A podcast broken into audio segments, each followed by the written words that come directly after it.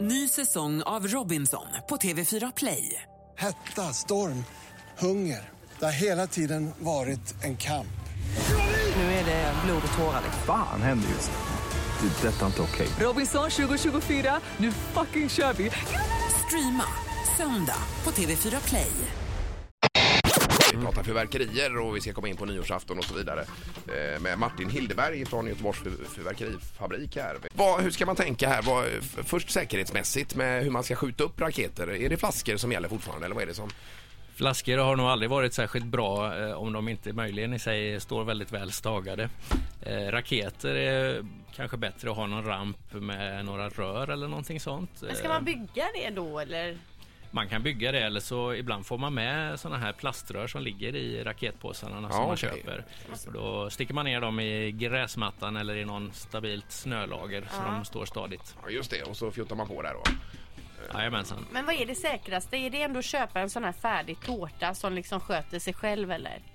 Tårtor är eh, generellt bra och säkra och vettiga så tillvida att man eh, har ju bara en tändning och Mm. sen får man eh, gå undan och se skådespelet istället för att bara stå och tända på hela tiden. Precis, och oftast är det så jädra kallt om fingrarna också för att gå där med tändan och tända på alla olika pjäser, det blir, Ja, ja, ja. man förfryser ju nästan fingrarna. Och vissa raketer är ju meningslösa Martin alltså. Det är bara sådana. Ja, det är en del eh, mindre grejer är ju mest till för den som gillar att elda många grejer. Det är Ja, för den ja, ja. barnsligt sinnade. Men det här hör det till att man ska åh, oh, Ett fyrverkeri utan sånt, är det liksom inte heller lika lyckat?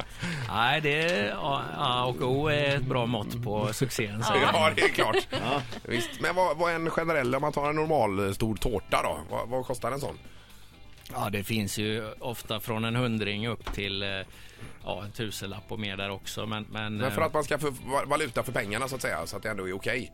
Ja, kanske 4 till 6 700 sådär. eh, Eh, kan vara en bra budget att börja på. Då kan man ju gå ihop några om man har kalas. eller Ja, så. det får man ju nästan göra. Ja, visst. Jag menar det. För det finns ju en del jättestora raketer att köpa, de kostar väl flera hundra kronor styck va? Ja, det finns stora raketer för upp till ett par hundra. eh.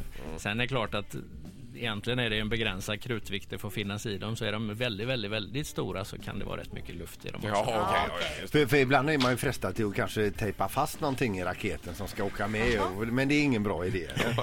Nej, sådana modifieringar kan ofta sluta med, eh, ja, inte succé direkt. Att den ändrar riktning och eh, åker någon annanstans. Ja. Nu ska vi göra någonting här som vi absolut inte ska göra på nyårsafton, nämligen skjuta från en balkong. Och varför ska vi inte göra det, Martin?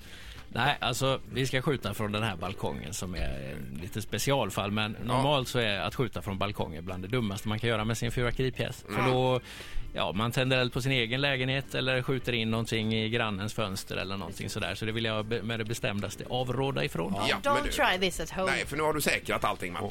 vi har Och, lite och Martin är dispens. proffs alltså, har jobbat med detta i många år. Eh, Det är riktigt. Han Nu är ska vi- säkerheten själv. Vi får be dig, Martin, gå ner på balkongen då, så eh, med en gång egentligen här. Och han är dessutom... Ja. Vad sa du att? Erik är Ja, Erik är beredd, ja. ja. Just det. Och Martin är dessutom nykter, till skillnad mot många som skjuter på nyår. Det är viktigt att tillägga. Ja. Ja, det är bra det.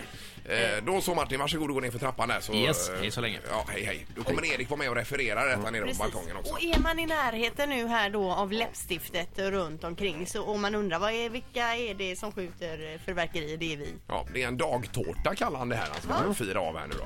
Eh, Är du med där Erik? Jag är med. Ja, det är bra. Och så kommer Martin ut med tårtan också. Ja, det är fantastiskt fint med fyrverkerier just i radio också nu när vi inte... Lu- Luta dig inte över nu Erik. Ska, ska du ställa den så nära räcket Martin? Vågar vi det tror du? Nu flyttar han in den lite där på inrådan utav... Eh, är det något vi behöver tänka på Martin? Ska vi se. Jag drar över micken. Vad sa du? Ja, eh, nu har vi ställt den här på ett stabilt och säkert underlag och eh, allting ser bra ut. Vi är långt från fasaden, eh, vi är inte nära räcket, ingenting ovanför som är i vägen och sådär. Nej. Får jag bara fråga, ska vi gå in eh, i i byggnaden när vi skjuter av eller ska vi stå kvar på balkongen?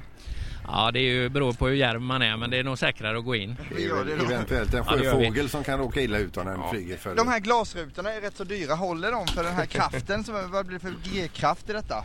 Ja, jag har skjutit väsentligt större grejer nära fönster och jag vet att de håller. Ja, det är bra. Okej, Vad, okej, okej. vad fjuttar han Ska på vi med dra Erik igång för då? något? Tändstickor, är du redo? Tändstickor. Eh, Ska vi köra? Ja, jag kör bara. Okej, kör. Martin, tänd, tänd på! Och du också, stäng. Vi ser, Han går fram nu. Det brinner, stubinen brinner. Vi hör inte den så jättebra. Oj! Var det bara en? Är det redan klart? Ja, det här var en eh, snabbtårta kan man säga. Alltså, det, kan man säga. det kan man lugnt säga. Vi såg bara en massa papper och rök som Ja, han- flög förbi här. Jag hann inte ens gå in. Det var, det var verkligen en snabbtårta. Du, Erik, är, är det hål i balkongen? Eh, eh, ja, det kan det vara kanske. Ja. Åh, herregud. Ett poddtips från Podplay. I podden Något Kaiko garanterar östgötarna Brutti och jag, Davva, dig en stor dos skratt. Där följer jag pladask för köttätandet igen. Man är lite som en jävla vampyr. Man har fått lite blodsmak och då måste man ha mer. Udda spaningar, fängslande anekdoter och en och annan arg rant. Jag måste ha mitt kaffe på morgonen för annars är jag ingen trevlig människa. Då är du ingen trevlig människa, punkt. Något Kaiko, hör du på Podplay. Därför arkadeinerna.